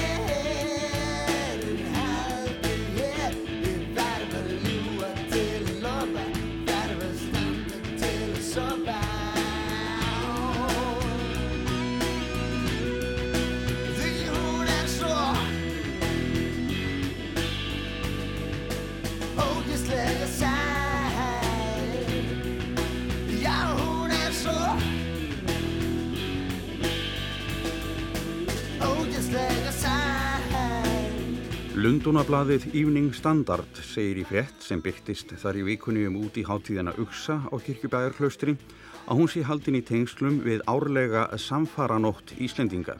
Fréttin í Evening Standard sem er viðlesnasta blað Lundunabúa hefst með þeim orðum að eins og sumir kunni að vita þá sé ekki margt um mannin á Íslandi. Til að bæta úr fólksfæðinni hafi því verið gefin út ofinbyr tilskipun um að ein nótt á ári skuli sérstaklega helguð samförum. Í tengslu við þessa ofinberu samfara nótt hafi nú nokkrir snjallir íslenskir aðtapnamenn haft samvinnu við enska starfsbræður sína og skipulagt það sem blaðið kallar Robnar samfarir á Íslandi og jáfnframt fyrstu dansháttíð sem þar hafi verið haldinn dagana 4. til 7. ágúst. Síðan er vísað í nokkuð ógreinilega landslagsmynd sem fylgir fréttinni og sagt að þarna verði á næstunni starfrækt eitt óvenjulegasta dansgolf í manna minnum þar sem 10.000 skemmtana fíklar muni engjast um í takt við tónlist Bjarkar og hljómsveitana Prodigy, Drum Club og Bandulu á samt íslenskum og enskum plötusnúðum. Það er síðan sérstaklega tekið fram að þar sem Bjart sé allan sólarhingin á Íslandi á þessum árstíma sé engin þarf á því að fara í rúmið yfir leitt. Baldvin Jónsson er upplýsingafulltrúi Uxa-háttíðarinnar. Þessi frétt eru þetta ekki hafði eftir Uxa mönnum en uh, þetta er dæmi gerðu þetta bresk fyndin frétt, uh, bresk blöðina gerðna svona eitthvað sem þeim finnst vera spauðilegt, talandi fólksfæðina og, og það þurfa að auka þessa starfsem í landinu, það er þetta bara sprengt hægilegt. Greinar hafa byrst í bresku tónlistablöðunum Vox og Melody Maker um Uxa 95. Baldin telur að reykja megið þessa frétt þangað. Nei, ekki nema kannski að eitt uh, blaðið út í Englandi hafi talað um að þetta væri svona æsandi landsla hérna á klustri og það má svo sem segja að það sé svo fyrir þá sem hugsa þannig. Á meðal erlendra gesta á hátíðinni voru fulltrúar saplutur aðarinnar Voljúm sem naut mikillar virðingar í popheiminum fyrir vönduð vinnubráð og fyrir að vekja aðtegli á nýliðum enda beinlinis ætluð fyrir slíkt og var í raun bæði tónlistatímaritt og geislaplata.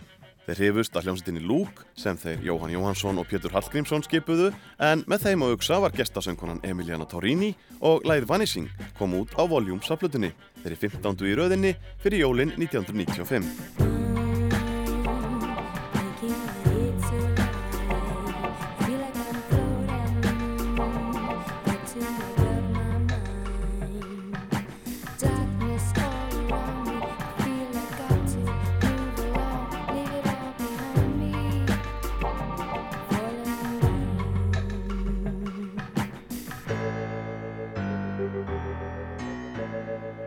Hápunktur hátíðarinnar verður á miðnætti kvöld þegar Björk Guðmundsdóttir spila með hluta hljómsveitarinnar sem nú er með einn á tónleika fyrir Bandaríkin. Einar Ernst Benditsson, eitt forkólfa auksa 95, segir hann að væntanlega innan stundar á svæðið. Hljómsveitin Prodigy er þegar mættingað og stóðu nú yfir samlinga viðræður við hljómsdameðlimuna nú rétt undir sjö. 5.000 manns er nú á háttíðinni og allt í góðum gýrasögn Einar Sarnar. Um tíma leit út fyrir að liðsmenn Prodigy myndi ekki komast að háttíðina. Þeir voru teknir í tollinum, grunaður um að vera með óhreint mjöl í pokahotninu og ekki átt að hleypa þeim inn í landið. Eftir tveggja tíma þrefi tolla yfirvöld var hljómsveitin leist úr prísundinni með hjálp síslumannsins í Vík með því skilirði að þeir myndu fara á landi strax eftir tónleikana. Prodigy piltar voru allt annað en sáttir á leiðinni austur á kirkjubæðaklaustur og hótuðu því að koma ekki fram um kvöldið en eftir japp, jaml og föður stígu þeir á stokk og gáðu allt í botn.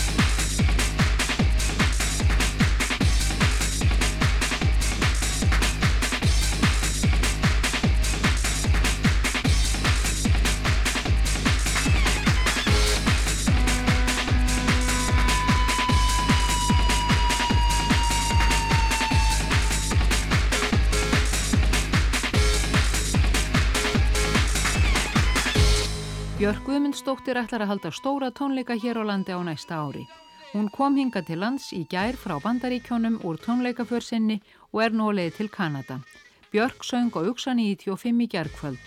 En hvers vegna lagði hún líkja á leið sína til þess að syngja hér? Þetta er náttúrulega algjör geggjum að við sofum ekkert í svona 60 tíma. Þetta er bara flakk sko. En bara gaman, líka svona greiði einarast og allt það lið. Ég fæ alveg mitt kikk sko. Það er alveg er ekki bara á einn veg, það er bara á það veg. Þetta sagði Björk fyrir tónleikana, en eftir þá hafði hún þetta að segja. Já, þetta var hræðilegt. Nei, bilaði bara allt sem gætt bilað. Já, það var samt svolítið svona lappin í gamma minn. Björk sagðist ætla að halda almennilega tónleika hér á næsta ári með öllu sínu tónlistarfólki og hljómlistartækjum.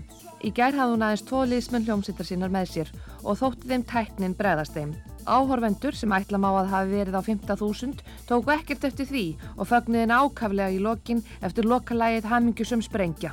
Í kvöld syngur hún í Toronto í Kanada. Þótt Björk liti vel út var hún greinilega mjög þreytt. Ég kvíli mig aldrei. Þórdís Arljótsdóttir talaði við Björk Guðmundsdóttur. Björk hafi komið með enga þóttu sem aðstandendur hátæðarinnar útvöðu og með í för var einn breski Richard D. James sem kemur fram undir nafninu Apex 2. En svo fyrrsagði var bóðið upp á metnaða fulla dagskrá á auksaháttíðinni og meðal íslenskra atriða voru GCD, Unun á samt Páli Óskari, SS Sól og Funkstrassi. En á meðal annara erlendra gesta voru plötusnúðarnir Bobby Gillespie, Forsprakki Primal Scream, James Lavelle, einn af stopnemdum útgáðu fyrirtækisins Movax sem átti ári síðar eftir að stopna hljómsveitina Angul og Craig Walls, sem hafi verið í slagtögi með Primal Scream og Orb. Hljómsveitinnar Atari Teenage Riot, Chapter House og Drum Club voru einnig mættar á svæðið og síðast nefnda sveitin flytur hér lagið Drums Are Dangerous. Everybody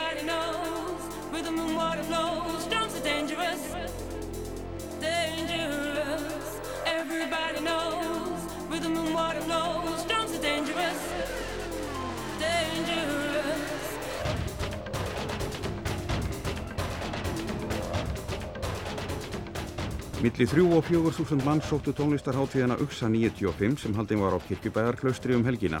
Fjárhagsleg afkoma líkur ekki fyrir en að sögn Kristín Sæmundssonar, eins af aðstandendum háttíðarinnar, eh, verður aftur UXI að ári. En hvernig tókst til núna? Bara mjög vel. Hér eru allir heiminn lifandi með framgang mála og, og, og almenn rosa ánægja í gangi. Nú var þessi tónlistaháttið haldin um Vestlunumanna helgi. Var það tilfallandi eða stendur til að vera með þetta um Vestlunumanna helgi næstu ár? Uh, nei, ég held að, að Vestlunumanna helgi verði ekki valin aftur undir þetta. Það, er, það verið skæta miskilning sjá yfirvöldum um, um það að, að halda svona tónleika um Vestlunumanna helgi og við fáum bara okkur eitthvað stimpil um, um að vera að halda úti hátíð. Nú var dölverð umsetning í kringum háttíðina og gestir nokkur þúsund. Hvernig sleppið þið frá þessu fjárhagslega? Það verður bara komið ljós eftir helgi. Það, eh, lít, þetta lítur ágætlega út. Það er bara ekki búið að gera þetta upp endanlega. Saði Kristín Sæmundsson í viðtali við Benedikt Sigurðsson. Uxahópurinn sem stóð að tónlistarháttíðinni á Kirkjubæjarklaustri var ekki að baki dottinn því í lok november fluttan inn ísku rockljómsdina Ass sem hjælt tónleika í Laugardalsvöll um uppbytun sá Maus, Jetlag Tjó og Botleðja. Um sumarið hafði Ass sendt frá sér fyrsta smáskífulagið af plötunni 1977 sem kom út ári síðar og lagið Girl from Mars hljómar hér undir.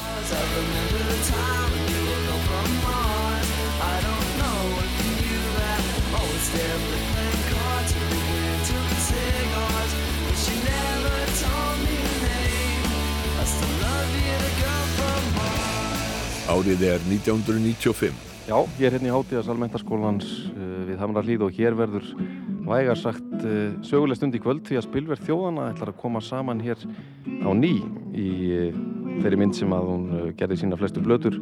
Hvað þetta er í fyrsta sinn eftir átján ár sem spilverkið kemur saman, Valgeir Guðjónsson?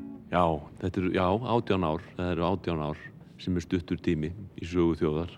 En langur tími í, í poppinu en, en þið látið ekkert eigan sig að Sigurður Bjóla, þú ert hér mættu með þínum gömlu félögum. Já, já, það er um að gera maður og trómmusettið og allt draslið. Hvað hefur það nú verið í þessi átján ár? Það hefur nú verið uppi við, en það hefur lítið verið spilað á það. Það hefur svona verið aðra til sínis. Einn af rockminjum Íslands. Og ég sá það í sjónvarpinni gerðið, þú varst búinn að draga fram kontrabassan, gamla. Hann er komin í leitinnar, það er auglýst eftir honum. Það kom í ljós að það, það hafði safnari tekið hann að sér þarna 77, það sem ég sleft honum lausum. En hvað, hvernig þessi hugmynd hún kemur upp síðasta haust er það ekki að, að kalla ykkur saman á ný? Já, það voru nú aðrir menn sem bryttuð upp á þessari hugmynd ykkur tíman fyrr. Af öðru tilöfni en, en, en hérna, þetta sem sagt gekk ágætlega upp núna, við gátum öll gert þetta, við erum nú svona dálítið hver í sinni áttin í hverstags en uh, við vorum öll laus í dag. Skúli Helgason talaði við Egil Ólafs, Sigurd Bjólu og Valger Guðjóns sem voru að undirbúa endurkomu spilvers þjóðana í gamla skólanum sínum, mentaskólanum við Hamrallíð, en tónleikarnir voru haldnir til styrtar fölluðum nefndur skólans. Skulum ferðast í huganum til 15. februar 1995 og kom okkur fyrir í háttíðasal MH. Spilverkið hafði engur glengt. Ef þið klappir svona hátt þá heyrið ekkert í okkur.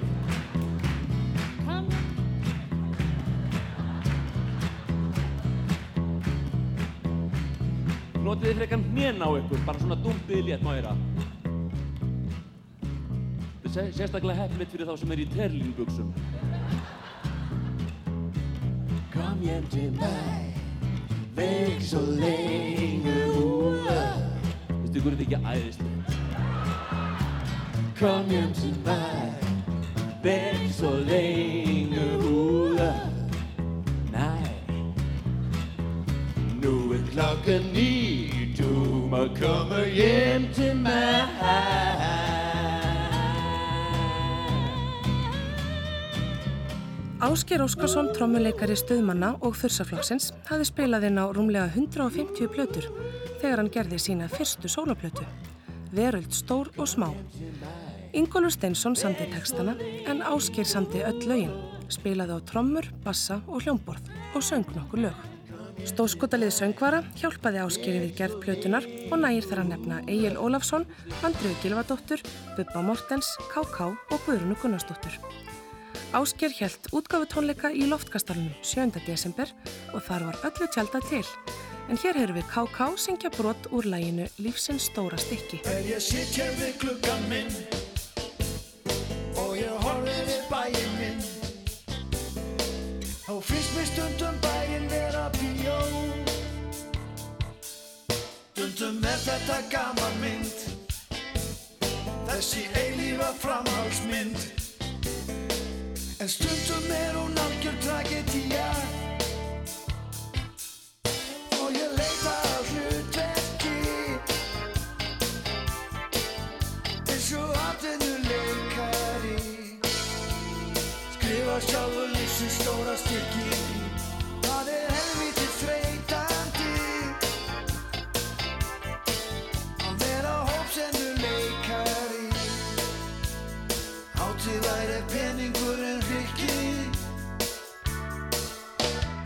Árið er 1995.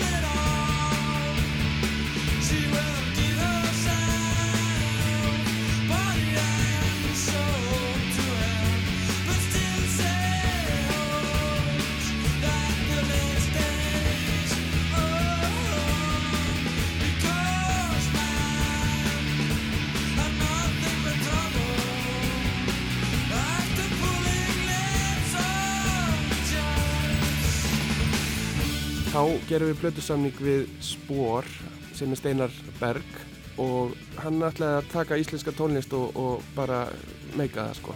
Ég menna við erum svo sem alveg til í það en, en, en hann vildi endilega að við myndum syngja ennsku því að ennska er bara móðumál roxins.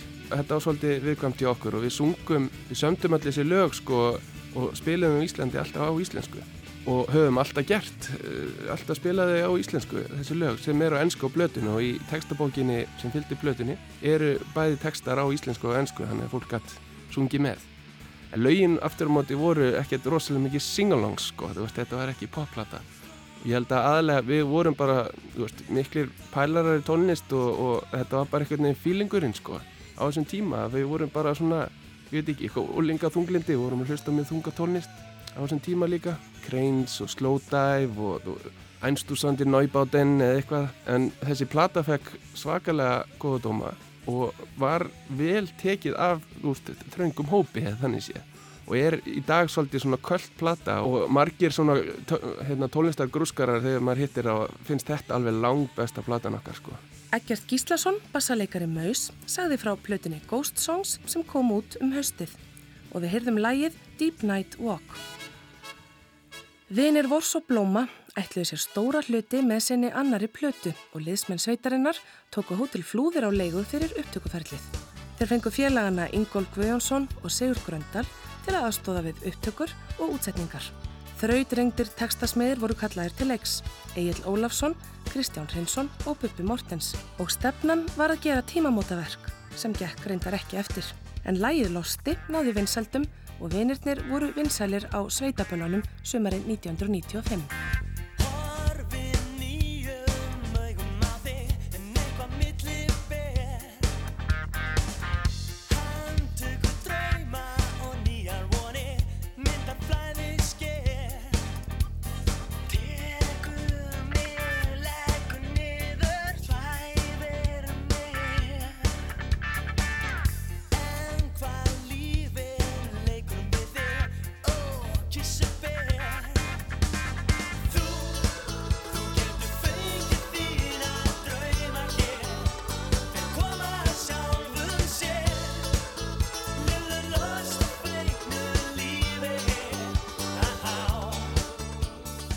Óskar sendi frá sig sína aðra soloplötu í lok árs 1995 sem fekk nafni Palli.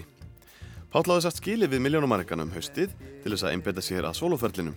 Á plötuna hafði hann sapnað saman sínum uppáhalds ballöðum úr ímsum áttum og einn þeirra var fullt af ást eða An Angel's Love úr kvikmyndinni Barbarella frá árinu 1968.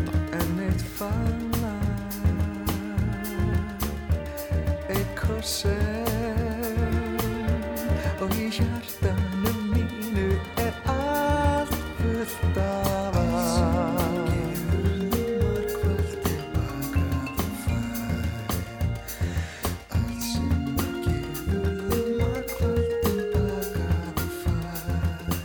var mjög gott fólk hérna hjá Japis Stefán Ingólfsson þar á meðal sem kvöttu mig til þess að stopna mitt eigið plötufyrirtæki og gera þetta bara sjálfur. Stuðplatan og Millaplatan, Miljónum mann var gefin út undir merkjum smekkleysu og reyndar var ég sjálfur að leggja heilmikið í púkið á stöðplötunni að mínu eigin fjö þannig að ég var eiginlega nú þegar byrjaði að gera þetta sjálfur og fann mig strax mjög vel í því. Ég vissi bara, veistu, ég ger þetta bara best sjálfur.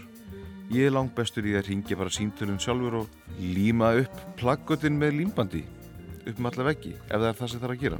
Þannig að ég var kvartu til þess að stopna þetta plötufyrirtæki sem að úrvarð Pop EHF Paul Oscar Productions og Steppi var mér innan handar hérna hjá, hjá Japis og mér langaði að prófa að gera balluðu plötu, svona tökulega plötu og að þetta er því mitt fyrsta verkefni.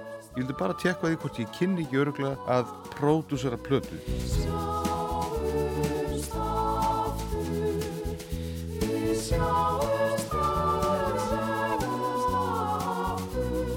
Sjáumst aftur er upprunalega lag frá 14. svona madrigall og ég fekk að kynast þessu fyrst bara í kórnum hjá henni Þorgeði Ingolsdóttur þegar ég var í kórnum hjá henni í Metskólum í Hamlarlíð Þetta er franskur madrigall Bonjour, mon coeur heitir það upprunalega. Og ég fekk hann af vinkonu mín, hann að Kristjánu Stefáns með mér inn í stúdióið og hann Sverri Guðjóns er þarna líka. Sverri söng altinn og tenorinn og ég var bassinn og hún var sópranin. Og Jó Jóhans sem var í lúk snillingur, hann svona útsetti þetta líka svolítið upp og nýtt. Sjáumst aftur Við sjáumst áræðinlega aftur. Sjáumst aftur Við sjáumst áræðinlega aftur. Árið er 1995.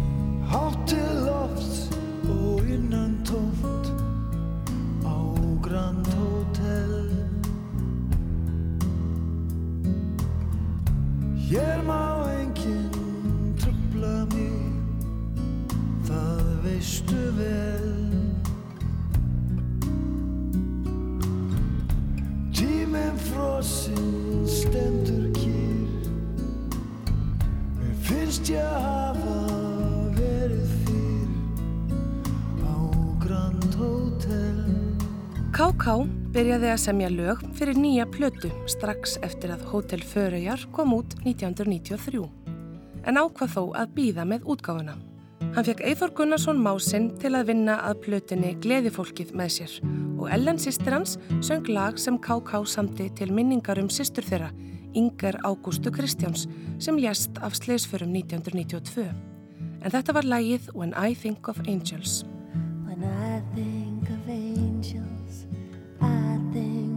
Of you.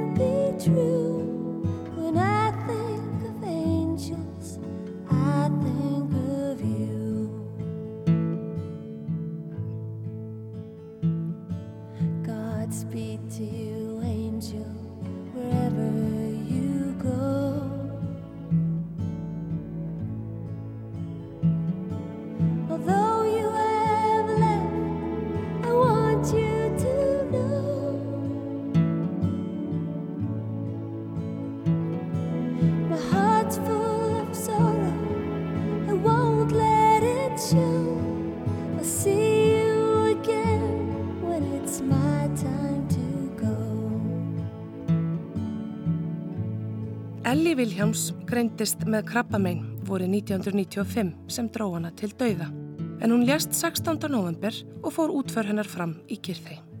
Þrátt fyrir veikindin mætti Ellie í hljóðverð FIH tveimur mánuðum fyrir andlátt sitt og söng lögin The More I See You og Almost Like Being in Love með stórsveit Reykjavíkur. Hún kvatti því með söng og skilaði sínu með glæsi brag eins og ætið áður. Heyr mína bæ Mildasti blær Verðu kveðju Mín yfir höf Syngdu honum Saknaðar ljóð Árið er 1995.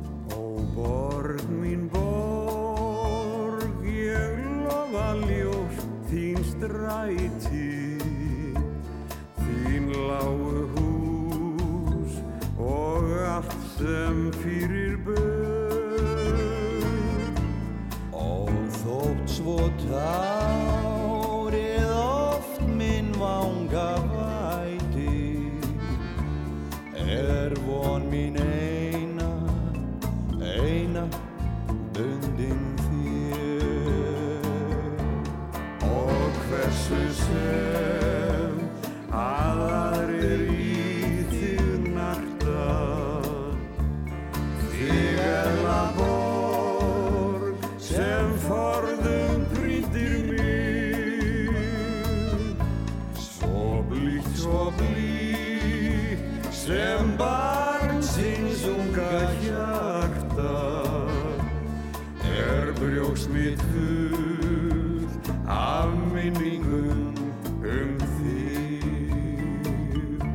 Mortens heiðraði minningu föðurbróður síns Haugs Mortens á plötunni í skugga Mortens. Á plötunni söng hann lög sem Haugur hafi gert vinsæl en slefti því að taka lagið Til eru fræ. Þar sem hann taldi það lag Haugi einu mætlað. Þeir frændur sungu duett í laginu og Borgming Borg fyrir tilstöðlan tækninar.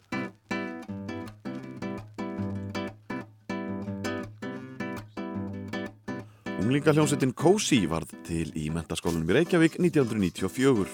Sveitina skipuðu Markus Tór Andriðsson, Ragnar Kjartansson, Magnús Ragnarsson og Úlfur Eldjátt sem allir stönduðu nám í MR. Þeir spiliðu mikið í kaffi leikúsinu í hlaðvarpanum en haustið 1995 senduður frá sér plötuna Kósi Jól.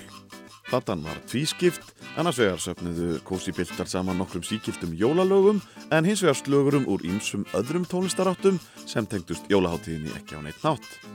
Undir hljómar eina frumsandalagið á plötunni Jasmín 2 eftir Úlf Eldjátt en þá er ekki allir sáttir við meðferð liðsmanna á tökulegum á plötunni. Erfingjar Oddgeis Kristjánssonar og Ása í bæ hafa kært unglinga hljómsveitina Kósi fyrir stefi, sambandi tónskálda og eigenda fluttningsréttar vegna fluttnings á læginu Ég veit þú kemur. Stef fer fram á það í dag að sala geislaplötunar Kósi Jól verði stöðuð og hún innkolluð. Ekki var sótt um leiði til útgáfunar en höfundaréttar hafað kærðu þó fyrst og fremst vegna þess að þeim fyrst læginu mistyrmt.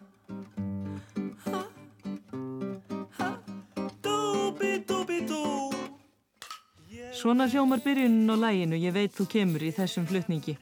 Gunnlaugur Ástgeirsson, talsmaður þeirra sem eiga höfundaréttin að lögum Oddgeirs Kristjánssonar og Ása í bæ, segir þetta reyna mistyrmingu. Þessi lög hafi áður verið flutti í heimildarleysi en aðtuga semda laust. Og við höfum ekki verið að skipta okkur af því þó að fólk hafi verið að flytja þetta, þessi lög og þessa texta þó í leifisleysi væri því að yfirleitt er fólk að gera þetta þannig að, að það er að gera sitt besta. En í þessu tilfelli er alls ekkert um það að ræða. Heldur að þetta bara, eins og segið, þetta er meðvituð mistyrming og um það gilda bara ákveðin lög í landin. Fólk megi bara ekki fara með svona lög hvernig sem þeim sínist. Og Gunnlaugur segir að sér sér samum hvað fólk gerir við sín eigin lög í partíum heima hjá sér en þegar farið sér að gefa út lög í svona flutningi í fjárgróðaskinni þá sé þeim sem réttin eiga flutningi þessara laga minnstakosti nóbóðið.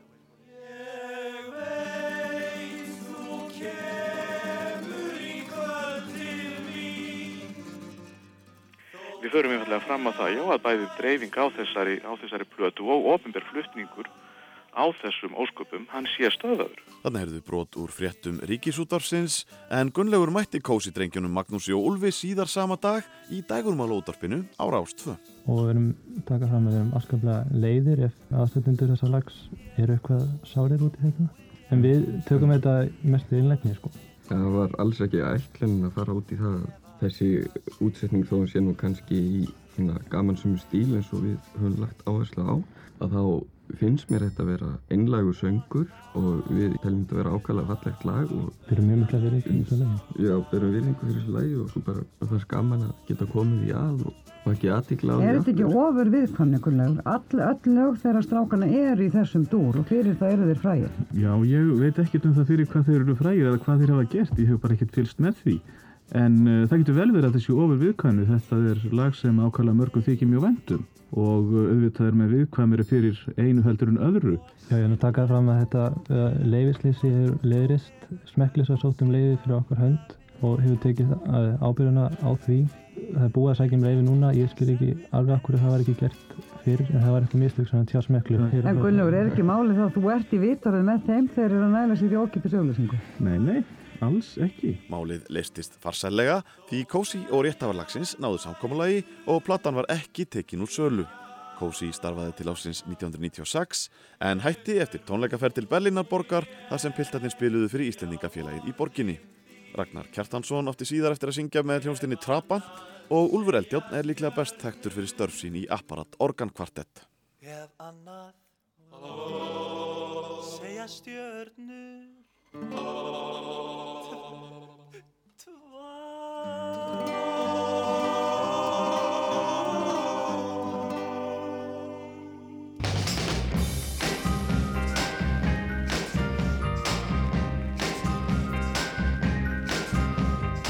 Fyrsta platan í Pottjett útgáfuröðinni kom út árið 1995. Fram að þvím höfðu plötuútgefundur keft sín á milli með sapplötum með lögum tónlistarmanna sem voru á þeirra snærum, jæmt innlendum sem erlendum. En með Pottjett átt að gera tilraun til að samina öll vinsalustu lögin hverju sinni, án tillits til útgáðufyrirtækja. Steinar Berg Íslefsson hjá Spori átti hugmyndin að nafninu og fjall það í grítan jarðveg hjá kollegum hans fyrstum sinn. En það sem enginn kom með betra nafn var Pottjett láti standa og nú hafa komið út yfir 100 plötur í Pottjett útgáfuröðinni og óhætt að segja að þessi tilraun hafi hefnast vel. Pottjett plöturnar eru því nokkus konar söguleg heimild um vinsalistu íslensku og erlendu lögin hér á landi hverju sinni. Hér heyrum við brot úr læginu A Girl Like You með skoska tónlistarmanninum Edwin Collins sem var eitt af erlendu lögunum á fyrstu up!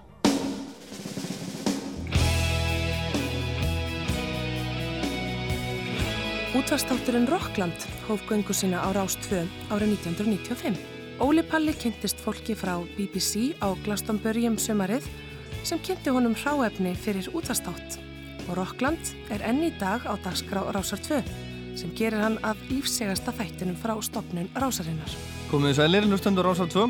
Ég heiti Ólafur Pál Gunnarsson og býð ykkur velkomin í Rockland sem mun vera opið almenningi vikulegi vetur.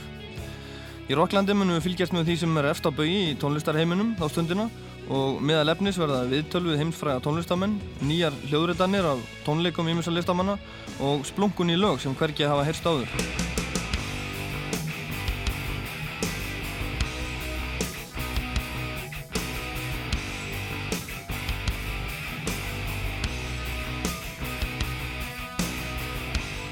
Fyrsta platta rocksveitarina 13 kom út á Íslandi 1994 en ári síðar var plattan gefin út viðsvegar um Evrópu af útgáðufyrirtækinu Koch International.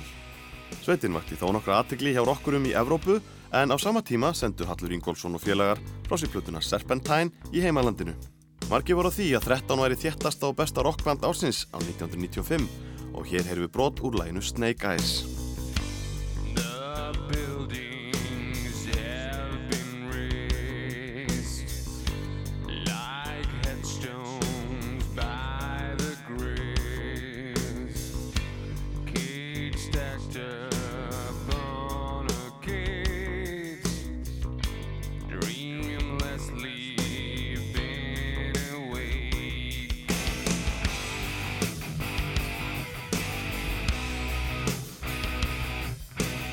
Árið er 1995.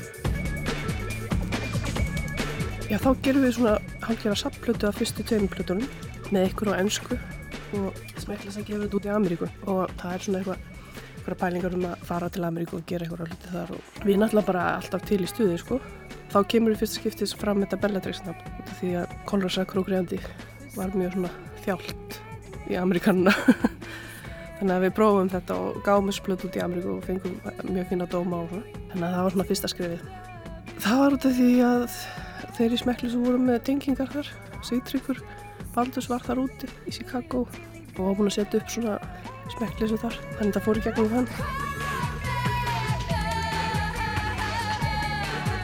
Elisa Geirsdóttir Newman sagði frá plötunni Stranger Tales sem Kolrasa Krókriðandi eða Bellatrix eins og sveitin kallaði sig í amerísku útrásinni gaf út um haustið. Hér undir hljómar eitt af nýju lögunum á plötunni Sleeping Beauty eða sætasta þyrnirósin í bænum eins og lagið hétt í íslensku útgáfunni sem heyrðist í kvikmyndinni Einn stór fjölskylda.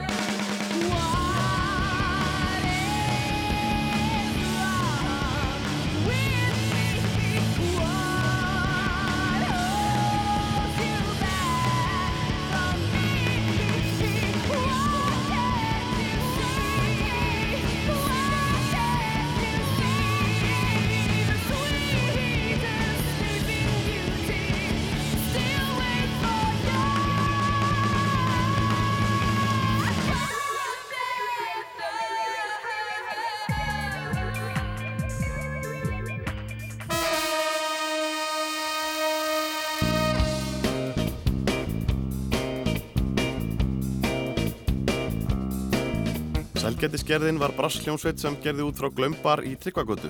Sveitin var skipuð þremur blásurum, bassa, gítar og trommum. Meðal liðsmanna voru Birgir Nílsen, trommari Vinavoss og Blóma og Samuel Jón Samuelsson, básunuleikari. Þeir ákvaða að taka upp lifandi plötu á Glömbar og voru upptökur auglistar 4. oktober og myndaðist gríðarlega stemming á staðnum. Platan fekk nafnið Acid Jazz.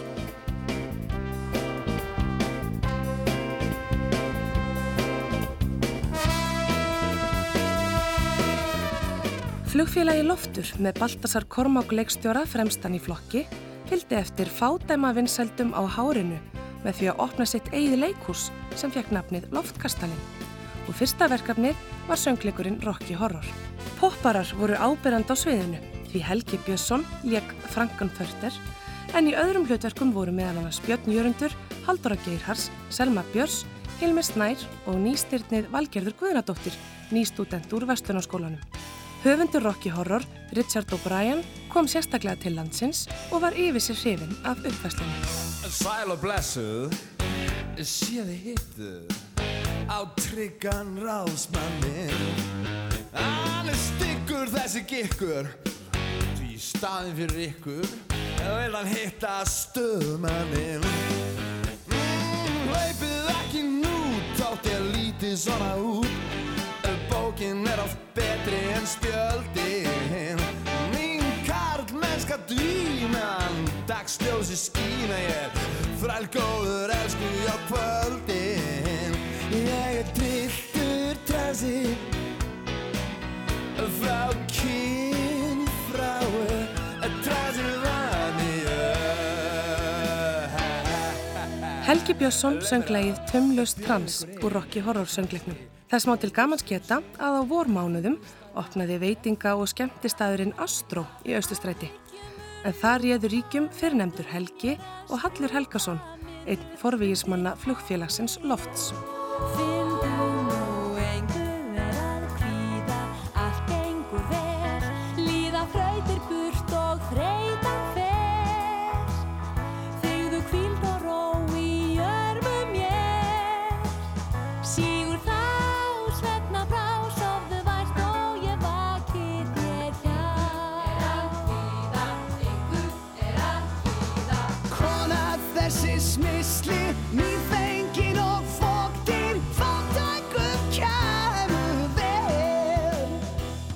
Guðrún Gunnarsdóttir og Stefán Helmarsson eru hér í hlutverkum Marju Magdalenu og Júdasar í söngleiknum Jésús Kristi Súperstjörnu sem leikfélag Reykjavíkur setti upp um sumarið.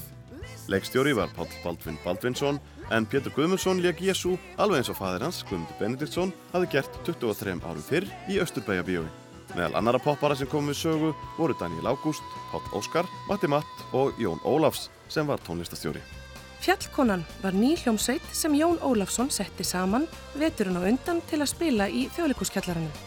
En vegna Anna í leikúsinu gafst ekki tími til að vinna plötu fyrir um haustið og fekk hún nafnið Party. Pétur Jésús Guðmundsson var söngvar í hljómsveitinni og hér syngur hann með Emilionu Torini lægið Bömpaðu baby bömpaðu. Sæta mig, nú er klukkan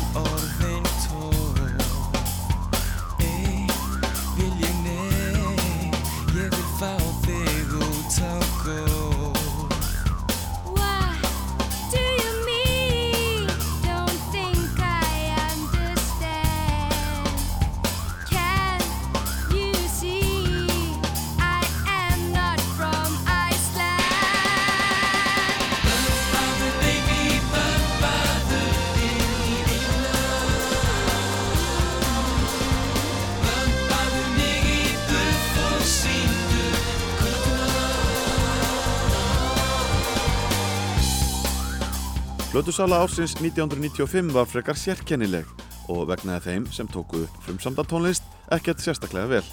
Að vísu var söluhæsta plata ársins Post með Björk sem seldist í um 10.000 eintökum hér á landi og næst í rauðinni var plata Páls Óskars sem seldist í 8.000 eintökum.